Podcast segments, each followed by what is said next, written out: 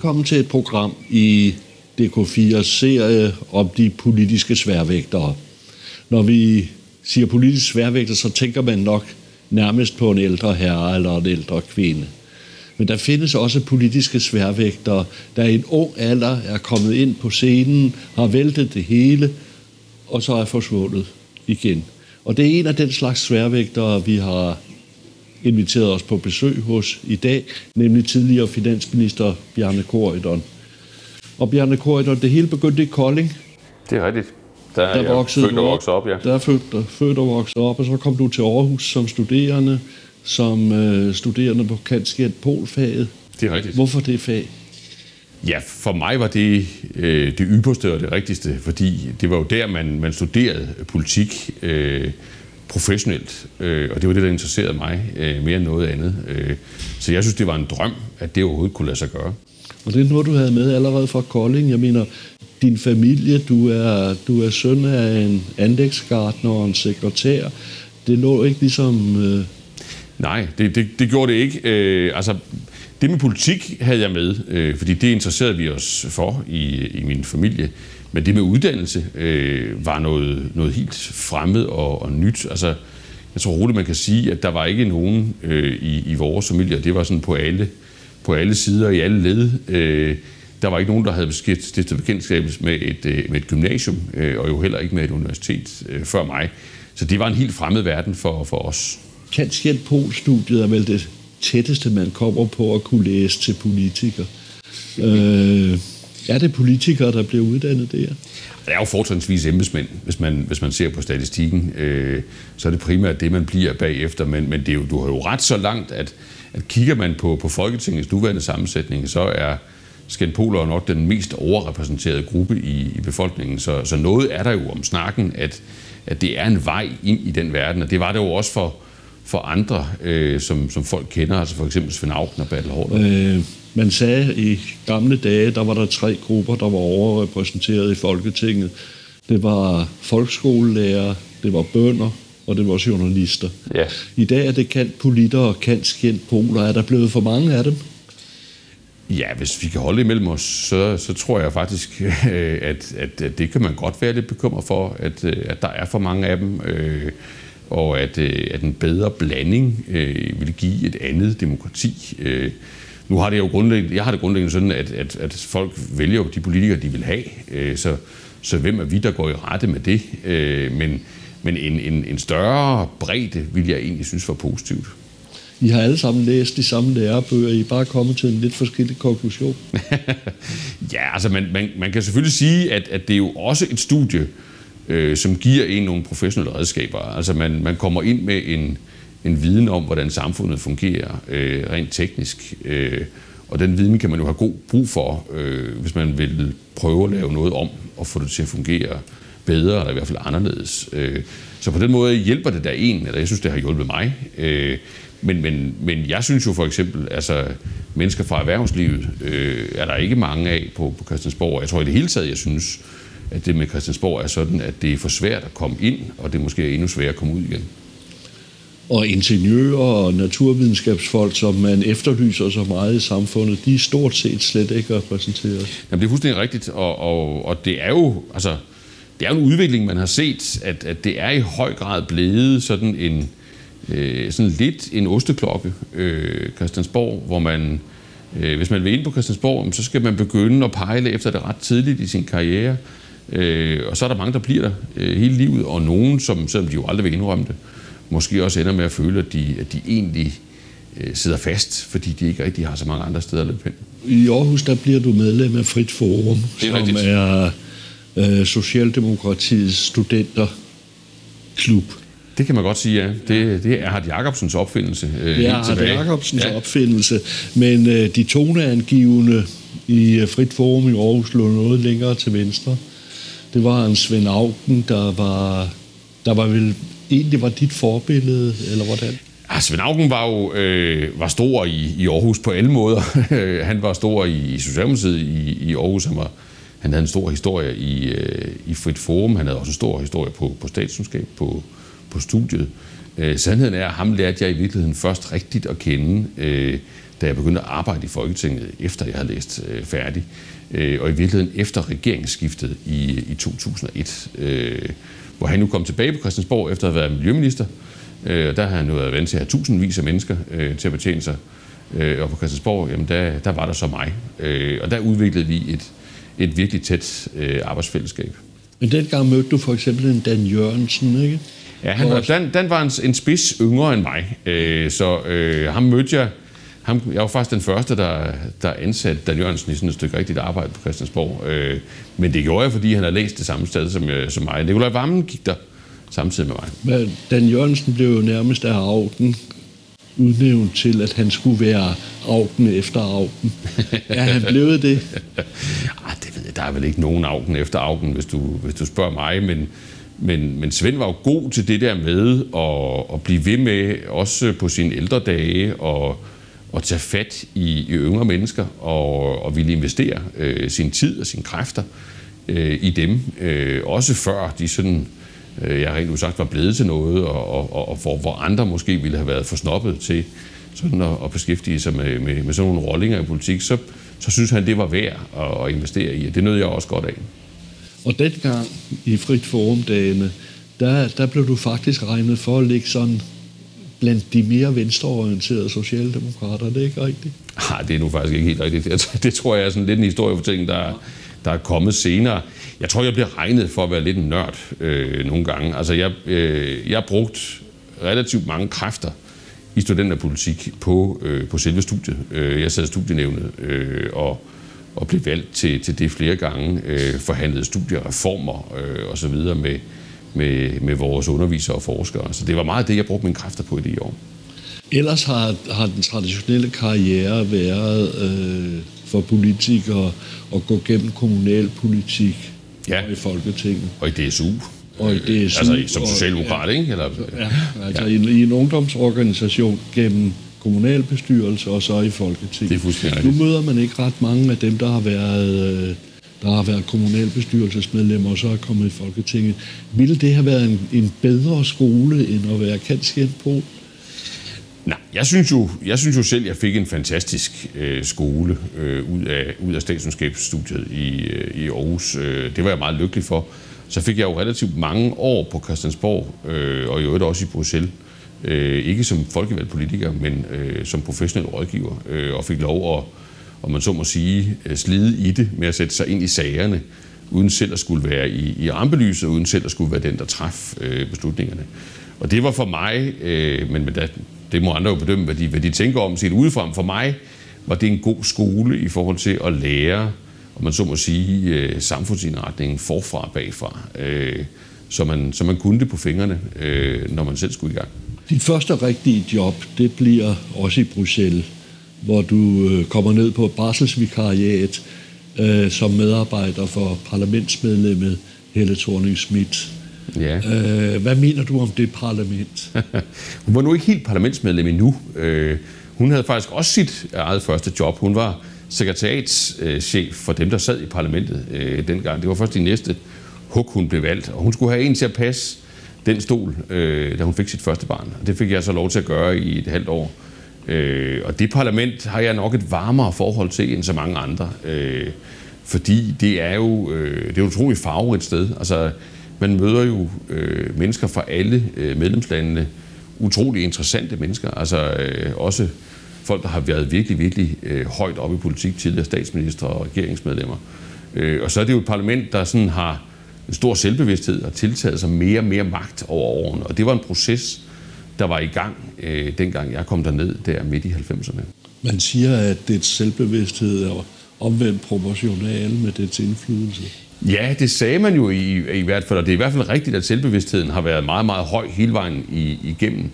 Øh, men efterhånden er det jo også så blevet sådan, øh, at det er et ganske, ganske magtfuldt øh, parlament. Altså, i takt med, at man har ændret traktaterne, har man jo næsten hver gang givet det mere øh, at, at skulle have sagt, og, og man kan sige, der var jo den kommission, i Bjergård øh, sad i, erfarede det jo på den, på den hårde måde, i og med at den jo dybest set blev fyret af, af parlamentet i, i sin tid.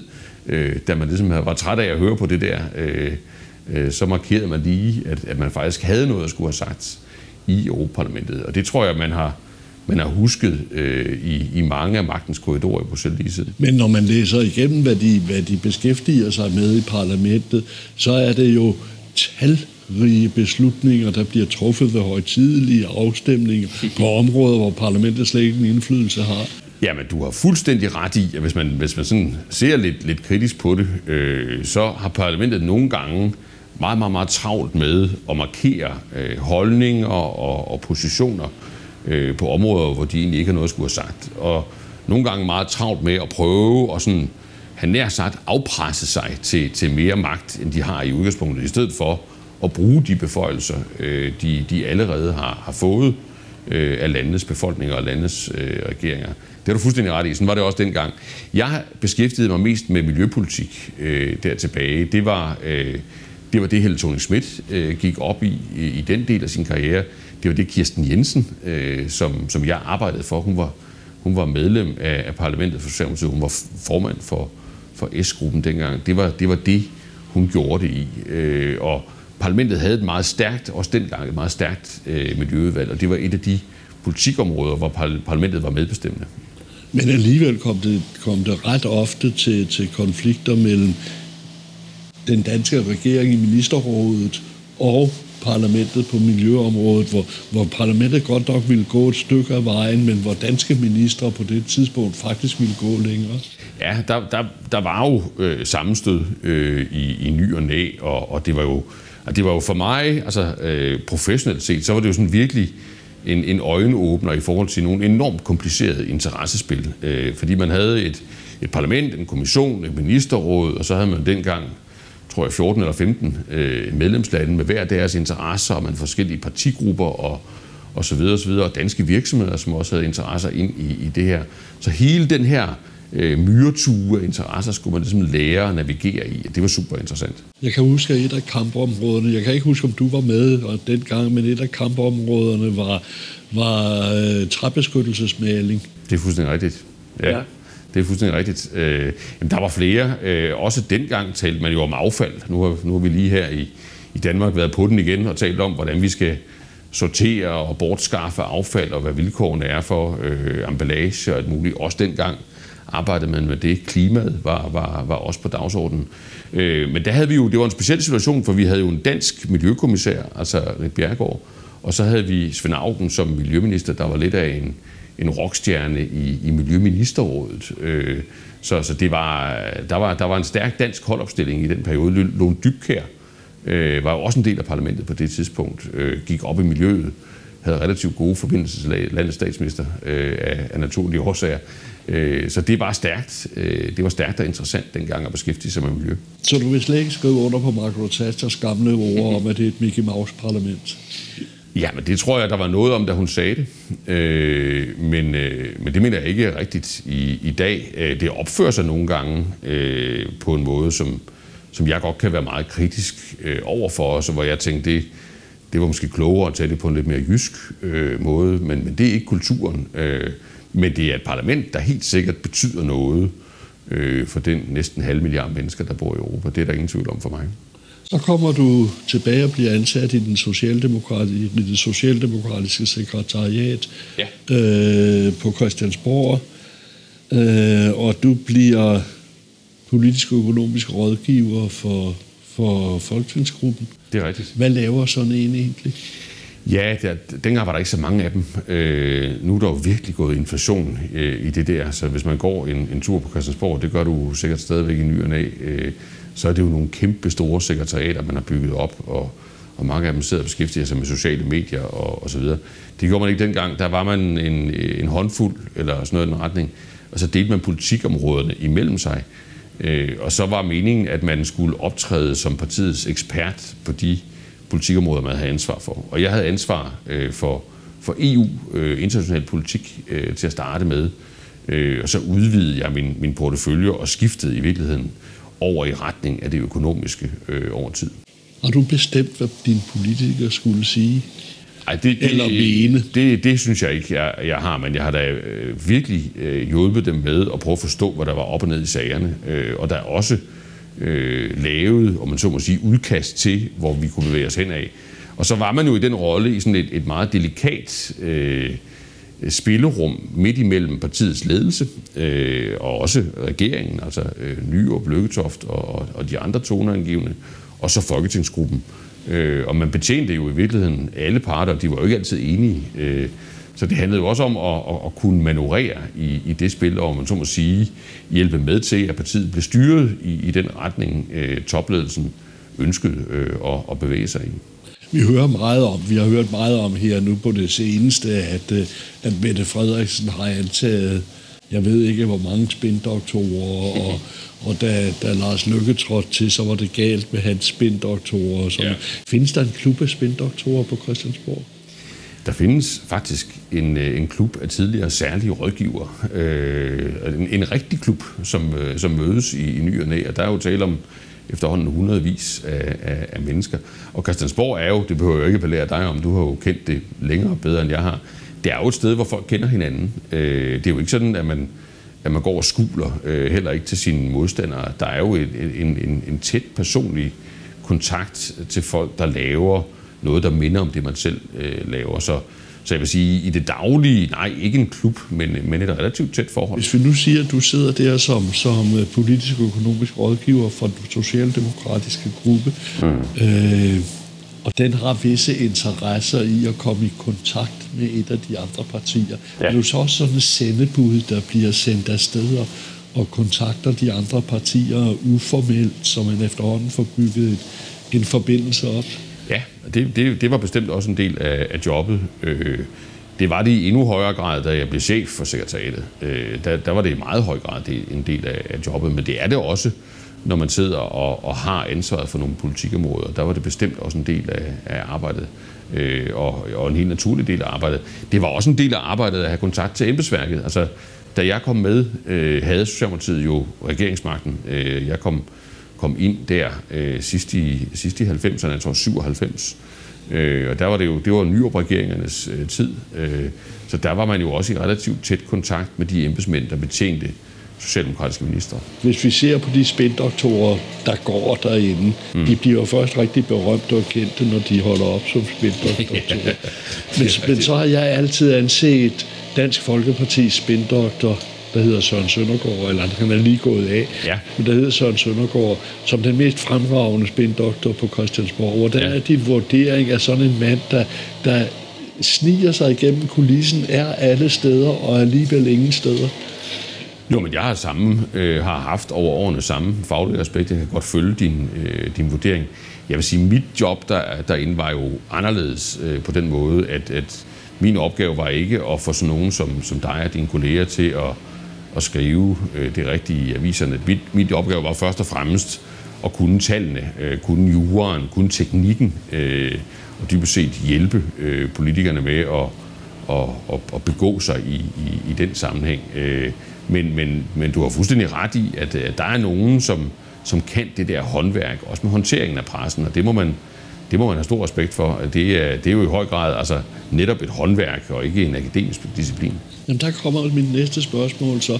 Kunne du lige så godt have været ansat for eksempel hos SF, eller skal man være socialdemokrat for at være socialdemokrat, for at være rådgiver for et socialdemokrati? Nej, er, det, altså er det en profession, eller er det en følelse? For mig var det begge dele, vil jeg sige. Altså, jeg vil ikke, øh, jeg vil nok ikke øh, på det tidspunkt i mit liv have arbejdet for noget af de andre, nogle af de andre øh, partier. Øh, jeg blev selv chef senere og var selv åben for, at man godt kunne arbejde øh, i min afdeling uden, øh, uden at være medlem af partiet, men, men simpelthen fordi man var professionelt eminent. Øh, så det var min holdning til, hvordan tingene burde være. For mig faldt det, faldt det sammen.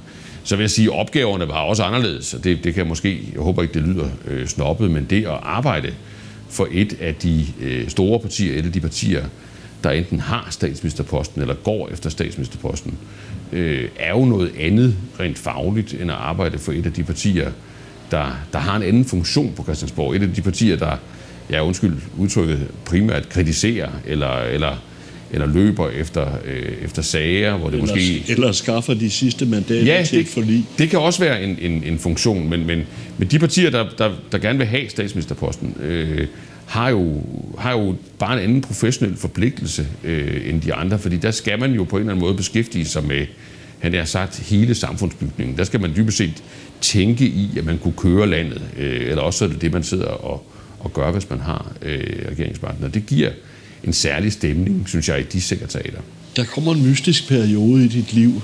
der har hvor, været mange. Hvor, hvor øh, Socialdemokratiet skal have ny formand. Ja. Og for første gang kommer det til en afstemning, en rigtig afstemning. Det er rigtigt. har Socialdemokratiets tidligere formand jo næsten altid opfundet den følgende. Det er rigtigt. Øh, mellem Frank Jensen og Helle thorning Schmidt. Ja. Og faktisk holder du med Frank Jensen. Ja, altså jeg har jo arbejdet sammen med, med Frank Jensen der i en, øh, en relativt lang årrække. Han har jo været, øh, han har været politisk ordfører for Socialdemokratiet øh, i den tid, hvor, hvor Mogens Lykketoft øh, var formand. Og øh, i sådan et sekretariat, øh, som, som det jeg arbejdede i der, der er den politiske ordfører, det er den, det er den, det er den første kunde, der kommer ind ad døren øh, om morgenen og går ud af døren om, om den sidste, der går ud af døren om aftenen. Det, det, er, det er vedkommende, man producerer til. Så vi havde haft et meget, meget tæt øh, arbejdsfællesskab, og jeg vil også sige venskab øh, i, en, i en årrække. Øh, så det er rigtigt, at, øh, at jeg havde bestemt sympati for, for hans kandidatur øh, der. Jeg havde så den, den udfordring, at øh, Elle Thorning kendte jeg jo også godt, øh, fordi hende havde jeg været pressesvikar for der øh, en, en, øh, en årrække tidligere. Øh, så jeg kendte dem begge to øh, ganske udmærket.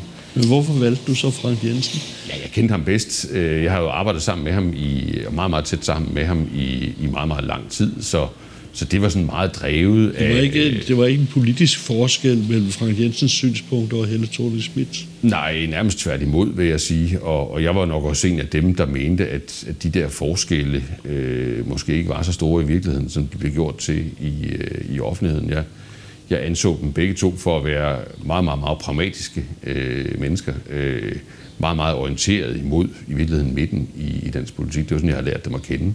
Men det var jo ikke sådan, deres, deres valgkamp mod hinanden spillede sig ud, om man så må sige.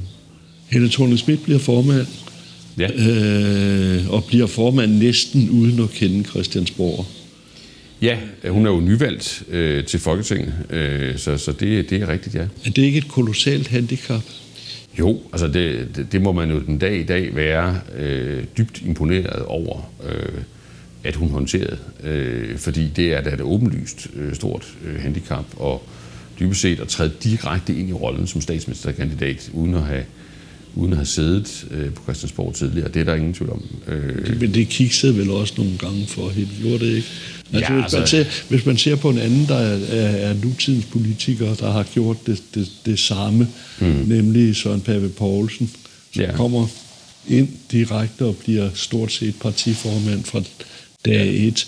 Øh, Men, men med, med kærlig respekt vil jeg jo sige, at han ikke har gjort det samme. Øh, fordi det er jo rigtigt, at han er partiformand, og, og det og, og, og respekt for det. Men Helle thorning Schmidt var jo statsministerkandidat. Øh, Jo, jo. Og Men der altså, altså, spiller man altså i en anden liga, hvis du spørger mig det mener du? Ja, det mener jeg.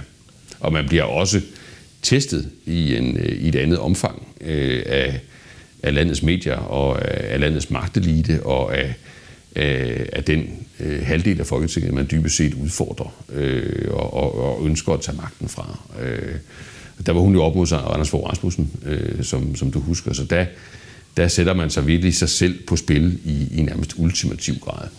Helle thorning bliver jo ikke øh, statsministerkandidat formand for, for Socialdemokratiet, uden at der er en vis muren i, rundt om i krogene i Socialdemokratiet. Altså en gruppe som folk som øh, Måns Lykketoft, Ole Stavad, Pia Gellerup. Mm. Øh, Måns Lykketoft bliver, men øh, Stavad og Pia Gellerup forsvinder sådan ganske stille ud i Ja, Fik de- fik jeg de- stille og stille, det ved jeg nu ikke. Altså, øh, grundlæggende kan- man jo...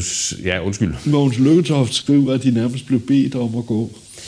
Ja, jeg synes, Måns Lykketoft har en utrolig selektiv øh, hukommelse. Det, det er jo sådan en af hans meget stærke sider.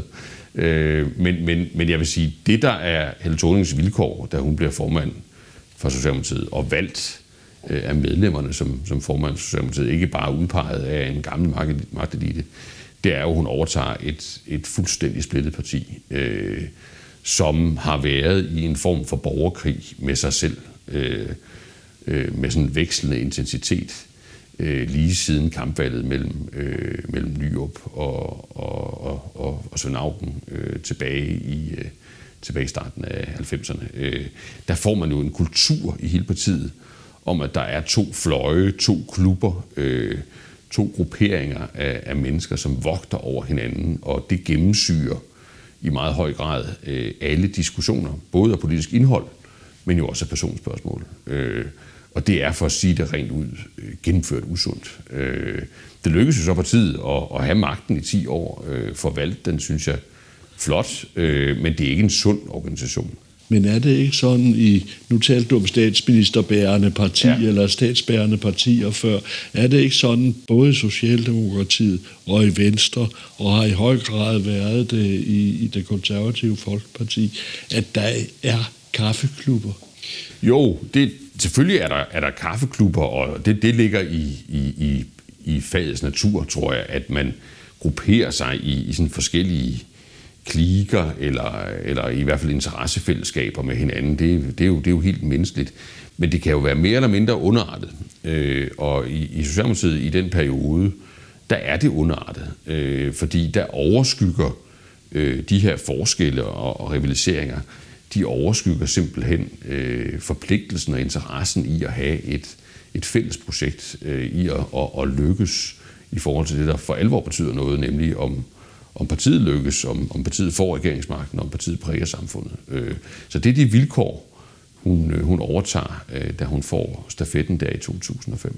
Og det lykkes hende vel stort set at, at lægge låg på den konflikt, eller, eller, eller i hvert fald få den til at forsvinde ud i glemslen. Ja, altså det, det synes jeg jo, man bør huske om hende. Nu holder jeg jo meget min tidligere chef, og, og på den måde er jeg jo ikke uvildig i, i vurderingen, men at hun at hun håndterer det, det arbejdsvilkår, øh, øh, synes jeg er imponerende. Altså hun får jo sådan set partiet til at, øh, at trække på samme hammel. Hun vinder øh, i, to, i to forsøg øh, regeringsmagten, øh, og hun håndterer også det enorme pres, øh, der er fra den ydre verden ved at, at, at stille op der som statsministerkandidat. Det er jeg stadigvæk imponeret over den, øh, den dag i dag. Helle Thorne Spids første udspil som øh, som øh, politiker, det er et forslag om at øh, hæve pensions- og efterlønsalderen. Det er rigtigt. Står du bag det? Jeg er med til at, jeg er med til at, at arbejde med det, øh, og en af mine nærmeste øh, kolleger øh, i, øh, i sekretariatet, som hedder Asbjørn Ries, øh, laver meget af teknikken. Måns Lykketoft er involveret i at, at lave en del af teknikken. Arbejderbevægelsens Erhvervsråd er, er involveret i at, at tænke tanker der. Øh, så jeg er med, men, øh, men det vil være forkert at sige, at jeg var hovedarkitekt. Jeg synes, det var et godt stykke arbejde. Uh, Helle Thorne Schmidt vil også på en eller anden måde gerne forlove sig med uh, Anders Fogh Rasmussens skattestop. Ja. Uh, det... Er det socialdemokratisk politik? Ja, det er jo sjovt, hvordan det går med, med hukommelsen. Øh, den, der, den, der lancerer det der med forlovelsen med skattestoppet, det er Måns Lykketoft. Det er sådan set ham, der lægger sig på den position øh, som socialdemokratisk øh, formand. Øh, men det er ikke noget, han taler så meget om i dag. Øh, og der kommer det der med den selektive hukommelse måske, måske igen, øh, igen tilbage. Han er, han er meget drivende for, øh, at vi bevæger os derhen. Jamen kan et dynamisk samfund, som, som Socialdemokratiet jo altid gerne vil, vil, vil skabe, altså ikke et samfund, der er gået i stå, men et samfund, der, der leder landet, kan det leve med et skattestop? Ja, altså skattestoppet har jo rent teknisk øh, vist sig at være en forholdsvis øh, dårlig i, idé, øh, fordi hvis man, hvis man har skattestop for længe, og hvis man, øh, hvis man efterlever det fuldstændig øh, konsekvent, øh, ja, så bliver øh, samfundsindretningen udynamisk, øh, som du siger, øh, og man får dybest set også, altså rent teknisk fungerer det på den måde, at man får dybest set øh, over tid lettet de forkerte skatter, fordi man fastfryser nogle af skatterne i, i kroner og øre, og dermed bliver de billigere over tid. Øh, Boligskatten. For eksempel, ja. og hvorimod skatten på arbejde, den, den, den får så lov at den bliver ved med at nappe en, en, en stor del af, af folks indkomst. Så der er noget teknisk øh, skævt ved det. For mig at se i, i, i dag, hvis vi skal tale om skattestoppet, øh, så kommer det meget an på, om man supplerer et skattestop med, med vilje til i ny og næ at lave øh, skattereformer, altså at bygge om på hele systemet, når ellers der er et, et vindue og en, en lejlighed til det. Og så må man jo sige, uanset teknikken, at, at det skattestoppet kunne, øh, og det skattestoppet i et eller andet omfang også kan i dag, det var vel at rejse en debat om, øh, hvor meget vi egentlig kan beskatte hinanden i Danmark. Øh, og, og det der med, at vi ligger på sådan de der cirka øh, 50 procent af, af BNP, øh, ja, det er jo en relevant debat i dag, øh, om vi kan gå højere, og det var det også dengang, og det var også den, hun tog op. Der er kun et land, der ligger over os, det er Frankrig. Ja, og, og, og, og fransk kan man jo øh, ikke lyst til at være, i hvert fald i forhold til, hvordan de har indrettet deres velfærdssamfund. Der, der er mange andre skønne ting at sige om, om, om Frankrig, men det er jo ikke på nogen måde et lige så økonomisk velfungerende øh, samfund som Danmark. Socialdemokratiet bliver i den periode et moderne parti, eller rettere et parti ligesom de andre partier, hvor, hvor der opstår en vis form for topstyring. Yeah. Øh, hun knytter en kreds omkring sig. Øh, Henrik Sass Larsen, Nora Reddington, til en vis grad dig.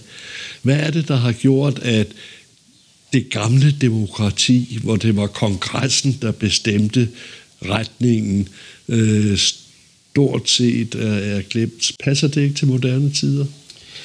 Altså, der, og det gør jeg jo med utrolig forsigtig respekt for en institution i dansk politisk journalistik. Der har jeg lyst til at gå en lille smule i rette med din historieskrivning. Øh, altså, topstyring, eller lad os bare kalde det styring, øh, eller markant ledelse i, i Socialdemokratiet, er jo en central historisk værdi. Øh, hvis man kigger på de store skikkelser i, i sådan Socialdemokratiets øh, historie, tag for eksempel en, en, en Jens Otto Krav, øh, jamen øh, så havde de virkelig fat i styrepinden. Altså de satte rammerne for, øh, hvor partiet skulle hen. Og det er jo, nu har jeg jo været med i partiet i, i, i rigtig mange år af mit liv, det er en, en, en værdi i Socialdemokratiet, som gør, at Socialdemokratiet er anderledes end partierne på venstrefløjen.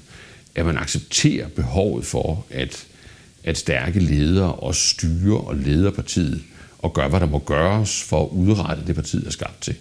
Øh, så der synes jeg, at, at, at forestillingen om, at det var anderledes under Torning, end man har set historisk, øh, den synes jeg simpelthen er forkert. Men det fører alligevel til, at Rit Bjergård danner sin røde skole. Ja, øh, det, men det er jo det er vel snarere et billede på, øh, at, at det her med at være i opposition, intern opposition, det her med at lave splid internt, øh, at det er der mere rum for i den periode, end man egentlig har set øh, tidligere. Så i, i virkeligheden, og det er igen sagt med respekt, så synes jeg, det er et billede på det, på det stik modsatte. Nemlig, at man har en periode i, i Socialdemokratiets historie, hvor accepten af, at den valgte leder ligger linjen, øh, den accept er relativt lille, fordi man har en dybe splittelser i partiet, der går helt tilbage til formandsopgøret mellem, øh, mellem Augen og, og Nyrup i starten af 90'erne. Var Rik Bjergård på det tidspunkt et irritationsmoment? 110 procent ja. Hvad mener du om hende som politiker?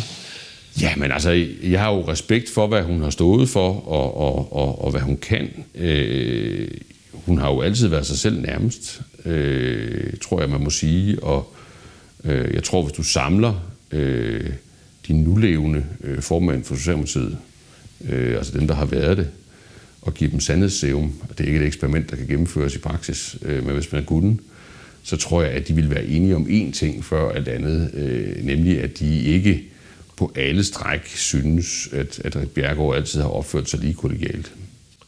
Den stærkeste politiker, eller den mest succesfulde politiker på det tidspunkt, det er Ville Søvndal.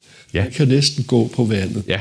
Og I begynder at sætte jer sammen, øh, Willy Søvndal, sådan politikerne fra SF, Willy Søvndal og Ole Sohn, øh, og så den socialdemokratiske top, Henrik Sass, øh, og skrive et regeringsprogram, mm. selvom I er i opposition. Mm. Og det bliver til færre løsning med de berømte 12 minutter. Ja, det kommer, det kommer i virkeligheden først senere. Øh, det kommer øh, i den fase af, af samarbejdet mellem SF og Socialdemokratiet, øh, hvor vi har fået en finanskrise. Øh, den har vi ikke, da samarbejdet starter. Øh, men den kommer jo øh, der i, i 2009 og, og rejser hele spørgsmålet om, hvordan man i virkeligheden retter op på økonomien og lukker hullet i, i statskassen. Øh, men, øh, men det tidligste samarbejde mellem SF, SF og Socialdemokratiet, øh, der, der sådan virkelig binder bånd, det handler om udlændingepolitikken. Øh, og det handler om, at, at SF og Ville Søvndal accepterer de stramninger i udlændingepolitikken, øh, som på det tidspunkt er super omdiskuteret. Og som Socialdemokratiet har, har accepteret, men som de radikale og venstrefløjen øh, ønsker at tvinge Helle Thorning til at opgive. Øh, og der lykkedes det at flytte SF øh, i forhold til det, der hed 24-årsreglen og, og tilknytningskravet. Og det er Henrik Sass, der fører den politik.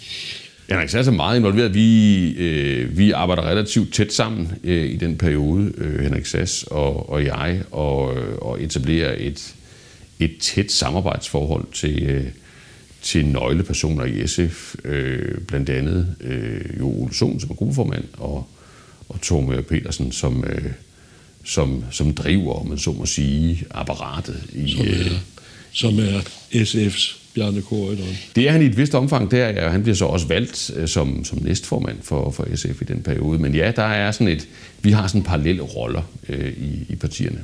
Du bliver stillet op til Folketinget i 2011 i Esbjerg, ja. som øh, jo må siges sådan på en vis måde, som landet nu valgmæssigt er inddelt af, af hjemmebane. og det ligger i luften, at øh, hvis Socialdemokratiet kan danne regering efter valget, så skal du være minister. Ja. Øh, der kommer de berømte forhandlinger i det sorte tårn. Ja, det er rigtigt. Først var de totalt mørklagte, så finder man ud af, at de er der. Ja. Hvordan vil du beskrive det som, en, som en for, i et forhandlingsspil, altså som hvis du ser tilbage på det? Ja. Hvad var det, der foregik? Ja, det er jo en, en utrolig særpræget, øh, vil jeg sige, forhandling, der, der foregår der, fordi i, i sammenligning med, med mange andre lignende øh, forløb, øh, så gælder der jo nogle helt, helt særlige omstændigheder øh, for, for den her forhandling. Øh, Øh, der, er, der er et par stykker, øh, man skal tage i betragtning. For det første så er valget jo gået anderledes end meningsmålingerne spåede. Øh, Øh, da man går ind i valgkampen, øh, der ser det ud som om, at Socialdemokratiet vil, vil gå frem, øh, og SF nogenlunde vil holde skansen, øh, og at de radikale vil, vil, vil ligge sådan nogenlunde pænt, men uden noget bemærkelsesværdigt. I stedet for så kunne Socialdemokratiet en lille smule tilbage. SF får virkelig tæsk, og de radikale går markant frem. Så styrkeforholdet i det forhandlingslokale er jo et, et andet, end alle havde regnet med ved indgangen af, af valgkampen, og i virkeligheden hen til næsten hen til, til, til midtvejs i valgkampen. Det er en faktor. En anden faktor er jo selvfølgelig, øh, og det kommer du sikkert til lige om lidt, øh, at det, det, det viser sig, øh, at Henrik Sass Larsen ikke kan indtage øh, posten som finansminister, som han altså var tiltænkt. Ja, det kommer vi til at... Ja, ja, den, den, men, men ja. det spiller selvfølgelig også en, en, en, en rolle. Det kommer jo først relativt sent. Det kommer relativt uh, sent, det, er, det er rigtigt. Ja, jeg vil mere ind på Vestagers rolle. Ja, ja, det kommer vi bestemt også. Så er der, øh, så er der vel en faktor mere, øh, som de fleste har glemt i, i dag. Øh, og det er jo, at parallelt med, at Danmark afholder folketingsvalg, øh, Øh, og, og folketingsvalget handler om, at nu har vi haft den her finanskrise, nu skal vi have lukket et hul i statskassen, og så skal vi videre ind i et opsving.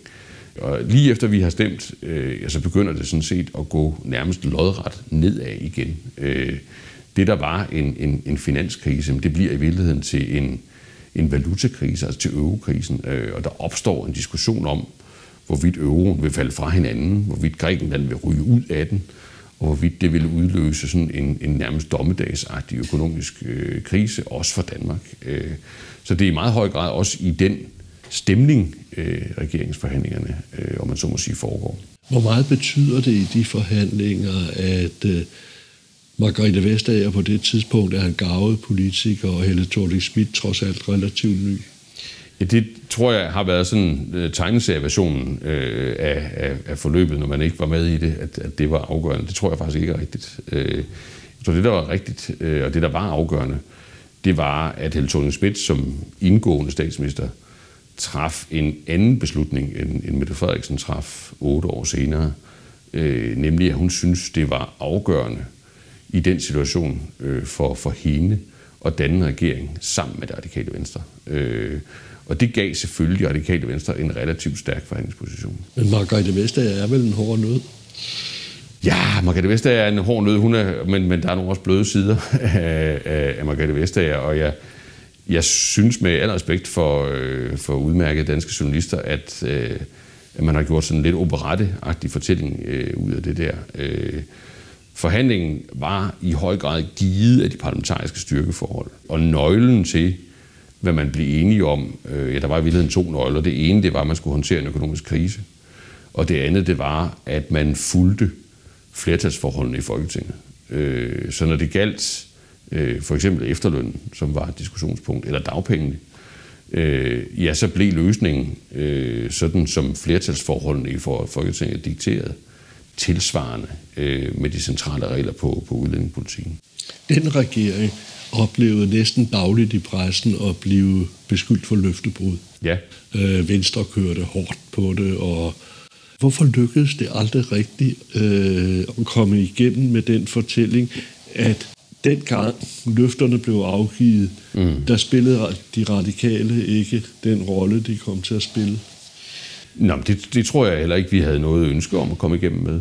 Øh, altså, øh, den, den, den historie øh, ønskede SF øh, i et vist omfang at fortælle. Øh, det ønskede Socialdemokratiet jo ikke. Øh, Socialdemokratiet ønskede jo et, et, et regeringssamarbejde øh, med det radikale venstre, hvor det, vi var blevet enige om, det var det, vi arbejdede for. Øh, og vores øh, filosofi, om man så må sige, øh, Helle Thorning og jeg, det var, at, øh, at det, det er grundlæggende ikke produktivt, når man leder et land, øh, at have en, en løbende, øh, om man så må sige, kamp med dem, man står ryg mod ryg med i, inde i øh, regeringen. Øh, så, så vi prøvede at finde et, øh, et arbejdsfællesskab med de radikale, øh, og det synes jeg også lykkedes. Så kommer vi til det, det med Henrik Sass. For langt hen i forhandlingerne, Henrik Sass er den, alle regner med skal være finansminister. Hvad skulle du i øvrigt have været, hvis... Ja, det var, det var der sådan set ikke truffet sådan nogle fuldstændige beslutninger om, for der var jo ikke lagt en kabale øh, på, hvad, øh, hvad vi dybest set ville få for nogle ministerposter. Altså det gjorde man, det gjorde man først og sidst, da man var blevet enige om politikken. Øh, først der fastlagde man, hvem der skulle have hvad. Øh, så vi, for så vidt angår mit år, min rolle, var vi, altså tænkte vi relativt fleksibelt over, hvad det kunne være. Men altså, Henrik Sass for den, alle regnede med skulle være, skulle være finansminister. Og så kommer den melding fra PET, fra Politiets Efterretningstjeneste, at han har betænkelige relationer til en rockergruppe i Køge, hvor han er valgt og bor. Det kommer sådan dumpende underligt. Kendte Helle thorning Schmidt til det i forvejen? Ja, det, det, det må hun jo selv redegøre for, hvordan, hvornår og hvordan hun er, er, er briefet på et tidspunkt i Danmarks historie, hvor hun, hvis hun måtte ønske det. Altså, der, der er det jo sådan, at, at man som statsminister øh, har nogle øh, forpligtelser øh, og også nogle informationer, øh, som man er alene om at bære. Øh, og det var jo hendes rolle i den situation. Men, øh, men var det sådan øh, i et længere forløb givet, at Henrik, Foss, øh, Henrik Sass skulle skrives ud af fortællingen på et tidspunkt? Nej, det var bestemt ikke givet. Altså, han var jo en central øh, forhandler i, øh, i hele forløbet, øh, og også en central jo, derfor, del af... Derfor kan det jo godt være, at, at han måske af hensyn til de radikale og SF, for han lå jo på hvad man måske sige højrefløjen i Socialdemokratiet, af hensyn til de radikale og SF, øh, skulle skrives ud af historien. Ja, men, men igen synes jeg jo, at, at, at fantasien løber lidt af med, øh, med, med ellers udmærkede journalister. Altså, øh, man skal huske, at Henrik Sass var en nøglefigur i at bygge et godt, stærkt og tillidsfuldt forhold til, til SF. Og så skal man jo huske, at, at når du siger højrefløj, øh, så i, i forhold til at føre en erhvervsvenlig øh, reformpolitik, øh, ja, så, så var det jo noget, han dybest set så relativt positivt på, øh, også i sin tid som erhvervsminister. Øh, så det der med at se ham som sådan noget, der, der stod i modsætning til, at man skulle kunne samarbejde med de to partier, øh, synes jeg er forkert. Nej, men det var jo, ja, det kan godt være med, med erhvervspolitik, men det var jo også Henrik Sass, der sagde, at Socialdemokratiet må afskrive humanismen som grundlag. Jo, jo, altså Henrik Sass har jo sagt øh, utrolig mange øh, ting, men, men øh, realiteten om hans karriere blev jo øh, bare, at, at, at det her ramte ham, øh, men at han jo også nåede at være minister, han nåede at være erhvervsminister, og havde i den sammenhæng jo et, et ganske stærkt samarbejde, øh, i virkeligheden øh, i høj grad hen over midten i dansk politik, og der bestemt også med de radikale. En af dine første handlinger som øh, finansminister, øh, bliver oprettet Moderniseringsstyrelsen. Det er rigtigt. Øh, det lyder til, øh, temmelig kedeligt. Det er det ikke. Øh, men den får en kolossal indflydelse. Øh, hvad var hensigten? Jamen det var jo at få, øh, få mere velfærd ud af skattekronerne øh, i Danmark øh, grundlæggende, og få arbejdet mere effektivt og systematisk øh, med, øh, med hvad, der egentlig, hvad der egentlig kommer ud i den anden ende, øh, når vi putter penge ind i den ene ende af, af velfærdsstaten. Øh, det lavede vi en institution, der, der fokuserede på. Øh, det er vel den, der mere end nogen anden introducerer begrebet New Public Management? Nej, det mener jeg ikke, det er. Øh, det er jo en, det er jo en tradition, der går, går langt tilbage, en akademisk øh, tradition, som er blevet utrolig øh, demoniseret øh, og misforstået, øh, øh, særligt af en, en masse mennesker på venstrefløjen i, i dansk politik. Øh, det, den sætter fokus på, det er, at øh, vi skal selvfølgelig interessere os for, hvad vi får for pengene som samfund og demokrati, når vi vælger at bruge dem på hinanden. Det, som øh, jeg har forstået, Moderniseringsstyrelsen skulle råde bod på, det var, at når man var ude på et sygehus, mm. så talte de mennesker, der beskæftigede sig med de syge, de talte ikke sammen med øh, sygehusadministrationen, som ikke talte sammen med Sundhedsministeriet, som ikke talte sammen med Finansministeriet. Jo, de talte nok sammen, men de talte ikke samme sprog. Var, var øvelsen at få, få de offentlige ansatte til at tale samme sprog? Det var vel en udfordring, øh, men, men der var jo også andre udfordringer. Altså, der var jo også udfordringer øh, med ledelse i den offentlige sektor. Øh, var, var den ledelse, der foregik øh, professionel? Øh, brugte man det ledelsesrum, man, man havde øh, til faktisk at sætte en retning for, hvad der foregik? Var ledelsesrummet alle steder stort nok, øh, eller var, var der steder i den offentlige sektor, hvor det dybest set var, var, var svært øh, at, at lede øh, og, og, og sikre, at, at, at man bevægede sig fremad i den rigtige retning? Så var der jo selvfølgelig også løn- og arbejdsvilkår, øh, som, øh, altså overenskomster, som, øh, som Moderniseringsstyrelsen forhandlede øh, for staten, og, og, og samarbejdet med kommunerne om at gøre i kommunerne. Øh, man har sagt, at øh, jeg tror, er det ikke det, der hedder Peter-princippet, at man sidder altid på en stilling, der er lidt højere end den, at man er kvalificeret til. Øh, den dygtige skolelærer bliver skoleinspektør osv. Moderniseringsstyrelsen indfører vel egentlig det, at uanset hvad virksomheden beskæftiger sig med, så skal den have samme type leder? Ja, det vil jeg ikke sige, men den indfører, øh, den indfører det princip, at fordi man er i en, en, en bestemt sektor eller et bestemt fagområde, øh, så, har man ikke, så har man ikke ret til at, at lukke sig af og afvise og diskutere, hvad man overhovedet laver med alle andre. Øh, det må være sådan, at, at hvis vi bruger penge på hinanden øh, i Danmark på vigtige formål, det kan være sundhed, det kan være uddannelse, øh, det kan være forskning, det kan være noget helt tredje, øh, jamen, så må vi være i stand til at kunne diskutere øh, åbent og med, med dokumentation af, hvad der foregår, om det, der fungerer, er, er godt eller dårligt, øh, hvad der egentlig er effektivt og hvad der er mindre effektivt, med henblik på at få så meget som muligt ud af pengene. Øh, så det opgør øh, var styrelsen med til at tage. Øh, altså opgøret imod siloer, der dybest set har nok i sig selv. Du indgår dit første finanslovsforlig med enhedslisten. Ja. Øh, det kommer ikke til at ske senere. Oh, jo, jo, vi laver, vi laver flere finansårsforlig. Laver flere. Ja, det gør vi. Du var ikke begejstret. Nej, det, der, der, der gennemskuer du mig øh, fuldstændig. Øh, det vigtige, jeg laver faktisk øh, tre finansårsforlig med enhedslisten, og kun et øh, med, med Venstre. Øh, men det, jeg laver med, med Venstre, var da klart det bedste. Øh, hvad er det med enhedslisten, som du ikke rigtig kan tage?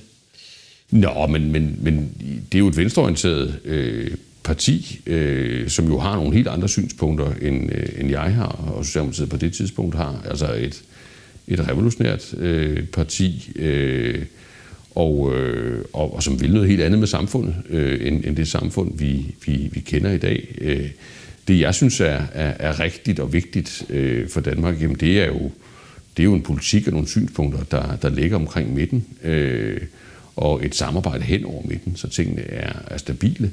Øh, jeg synes jo også, at Enhedslisten er et populistisk parti, øh, og jeg synes jo, at vi på det tidspunkt i, i dansk politisk historie begynder at se nogle tendenser til det, der jo senere har, har bredt sig meget voldsomt, øh, ikke bare i Danmark, men måske i, i, i hele den vestlige verden, nemlig at vi får en meget mere aggressiv øh, venstre- og højre populisme, som godt nok nogensinde, nogle gange fremstiller sig som, som sådan modstandere, modstander, men som i virkeligheden, Øh, i hvert fald set fra mit synspunkt, minder utrolig meget om hinanden. Øh, og, og populisme, øh, det er jeg meget skeptisk overfor, og det er også på det tidspunkt i, i, min, i min karriere. Øh, så, så jeg vil sige, det er ikke personligt, men der er et modsætningsforhold, som bunder i, at vi vil noget forskelligt. Øh, du er mere tilfreds med det, fordi du indgår med, med, med, med, med Venstre, men du må vel også erkende, at du hele tiden skulle operere med, øh, at i ikke måtte gå så langt, så SF ikke kunne være med længere. Ja, det, altså SF øh, var en del af regeringen, øh, endte med at gå ud af, øh, af regeringen, øh, og, øh, og jeg, om man så må sige, håndterede den relation, tror jeg, øh, tror jeg, man må sige, relativt kontant. Øh, jeg havde det sådan, at, øh, at SF, altså prisen for at være med i regeringen, øh, Øh, det var jo også, at man kunne leve op til regeringsgrundlaget, til dets ambitioner, og man kunne løse opgaven. Øh, og opgaven var øh, at få Danmark øh, ud af en økonomisk øh, krise. Øh, og kunne man ikke det, øh, jamen så synes jeg jo, at øh, så måtte vi have nogle, nogle robuste og dybdegående diskussioner om, hvorvidt man overhovedet kunne løfte opgaven med at være regering. Så det vil jeg ikke tilbage fra. Så, øh, og den, den, øh, den hvad skal vi sige, øh, tieren, SF'erne, øh, den kulminerer med salget af Dongs aktier. Ja, altså jeg synes, jeg, jeg, ordet tieren synes jeg ikke er rigtigt. Øh, jeg synes, det der, det der sker undervejs, øh, og det er sagt med, med, med respekt, det er jo, at SF finder ud af, at, at man som parti ikke kan holde til at være en regering, øh, som fører økonomisk krigspolitik, øh, og som laver de væsentligste forlig hen over midten. Øh, og det er rigtigt, det kulminerer med salget af Dong. Hvorfor, hvorfor, hvorfor var det så vigtigt at få Dongs aktier solgt? Altså det var en... Øh, ja, det var jo for at skabe den i dag måske vigtigste øh, danske virksomhed overhovedet. Kunne Anders Eldrup ikke have skabt den i statsligt regi? Nej, det mener jeg ikke, han kunne. Øh, og øh, jeg synes jo, historien har, har vist, øh, at, øh, at det var en ualmindelig fornuftig beslutning øh, at investere i, både at få kapital øh, for nogen, der var villige til at tage risiko, og få nogle meget, meget kompetente mennesker med i at skabe en, en global øh, grøn øh, vækstvirksomhed. Og, og du kan jo se på nogle af de andre rent statsligt ejede virksomheder, vi stadigvæk har øh, i Danmark, Øh, alle har jo et personligt forhold til PostNord. Øh, Okay. Øh, og vi er jo Nå, også... ikke at tage den største fiasko. Vi er jo indimellem også øh, alle sammen, lader os altså alle sammen betjene af DSB. Øh, ved, jo, ved, der er øh, også SAS, som, okay, de har det ikke godt lige for tiden, ja, men, men SAS... SAS er jo et børsnoteret selskab med, øh, med private ejere øh, og stater, øh, og i øvrigt ganske mange udfordringer. Øh, det, der dengang hed Dong, og i dag hedder Ørsted, er i mine øjne indiskutabelt den største danske virksomheds øh, succes i en generation. Øh, vi har i dag at gøre med et af de aller, aller største selskaber på fondsbørsen. Vi har at gøre med øh, den måske vigtigste danske grønne virksomhed. Øh, spørger man Harvard Business Review, så er det den virksomhed på kloden, hele jordkloden, altså på listen over virksomheder, der har fået mest forretning ud af det grønne. Ja, der ligger Ørsted nummer syv. Vil du have solgt øh, aktierne til Goldman Sachs i dag? Ja, det ville jeg da 110 øh, procent. Man kan selvfølgelig sige, øh, hvis jeg havde vidst, øh, hvor, øh, hvordan det ville gå, øh, jamen, så ville man jo øh, selvfølgelig øh, have, have forhandlet øh, mere kontant. Sådan er det jo altid med priser. Hvis man, hvis man kunne vide, hvordan aktiekurserne ville udvikle, ville udvikle sig øh, syv år frem, øh, så ville man jo være en meget rig mand, fordi så kunne man jo, om man så må sige, placere sine, øh, sine bets på markedet efter, hvordan det ender med at gå. Men på det tidspunkt, øh, der mener jeg, at det var den fuldstændig rigtige beslutning, som endte med at give kæmpe jackpot for Danmark. Hvad siger du til, at flere og flere lande, også den danske regering, altså Mette Frederiksens regering, begynder at sige, at alt det her med frasalg af statslige virksomheder, det må, vi, øh, det, må vi, det må vi tænke igennem en ekstra gang. Strategiske virksomheder skal i hvert fald ikke frasælges. Bare se, vi kan komme i lommen på Kina. Hvad siger ja, du til hele den debat? Det synes jeg er en, en, en udmærket debat. Der er bare meget sludder i den. Øh, forfærdelig meget øh, sludder øh, for folk, der ikke sætter sig ind i tingene. Øh, tager man Dong, øh, jamen så det man solgte, og det Dong ønskede at, at, at blive på det tidspunkt, og det staten som hovedaktionær var med på, jamen det var jo ikke at være kritisk dansk infrastruktur, det var at blive en global virksomhed. Og ser man i dag på det, Dong øh, laver, jamen så foregår det jo ikke i Danmark. Det foregår på hele jordkloden. De bygger øh, vindmøller ud for Taiwan og ud for USA's østkyst og øh, i, i, i britisk regi osv. osv. Så der er tale om en dybt kommersiel, undskyld udtrykket, dybt kapitalistisk, øh, global, grøn virksomhed. Øh, og statens evne til sådan at drive den type virksomheder øh, har jo historisk ikke været specielt imponerende. Så overhovedet at ville satse på det øh, dengang, ja, det var jo det, der gjorde, at, at eventyret kunne lade sig gøre. Øh, og jeg har ingen tiltro til, at det ville kunne lade sig gøre, øh, hvis man lod politikere, om man så må sige, drive den type erhvervseventyr. Jeg har set et sted, og det skal være det sidste emne, vi kommer ind på, at øh, dengang du trynede lærerne i en overenskomstsituation, der var det den største succes, du har haft. Ja, jeg, jeg har sagt, at, at det, er, øh, det, jeg er mest stolt af, at have været involveret i, det er øh, det folkeskolereform, øh, som jo senere øh, har været utrolig omstridt. Øh, og det er jo fordi, øh, at hvis du spørger mig om, hvad der er det aller, aller vigtigste i, i hele vores samfund, øh, så er det øh, det, der foregår øh, for børn og unge, indtil de, indtil de bliver voksne, fylder 16, går videre i, i systemet. Fordi det spiller så afgørende en rolle for, hvilket liv de får øh, resten af tilværelsen. Og alle de mennesker, der taler om, øh, at det her land skal være et land, hvor, øh, hvor der er lige muligheder, øh, og hvor man kan blive til det, man drømmer om, uanset hvor man kommer fra, som jeg selv øh, er et, en form for eksempel på, de burde mest af alt interessere sig for, om vi gør alt, hvad vi kan for at lære dem så meget som muligt fra starten, uanset hvem de er. Men dengang følte lærerne, at deres arbejde var et kald, og du gjorde dem til lønmodtagere. Nej, det synes jeg forholder sig lige omvendt. Øh, lærerne, der er meget forskel på lærer, øh, men deres fagforening og deres formand så dem som lønmodtagere, der arbejdede på sådan næsten BRV-agtige vilkår. Altså det handlede om så og så mange minutter, så og så mange timer her, så og så mange timer der. Øh, det vi lagde op til, det var at modernisere det fag, øh, sådan at øh, der er fleksibilitet, der er ledelse, og det det handler om, det er ikke at tælle minutter, det er at lære børnene noget, de kan bruge resten af tilværelsen. Og, og på den måde synes jeg jo stadigvæk den dag i dag, at det er den vej, man bliver nødt til at gå, hvis man vil have en skole, der er for hele folket. Tak skal du have, Bjarne Korydon, fordi tak skal du have. komme og besøge dig. Det var hyggeligt.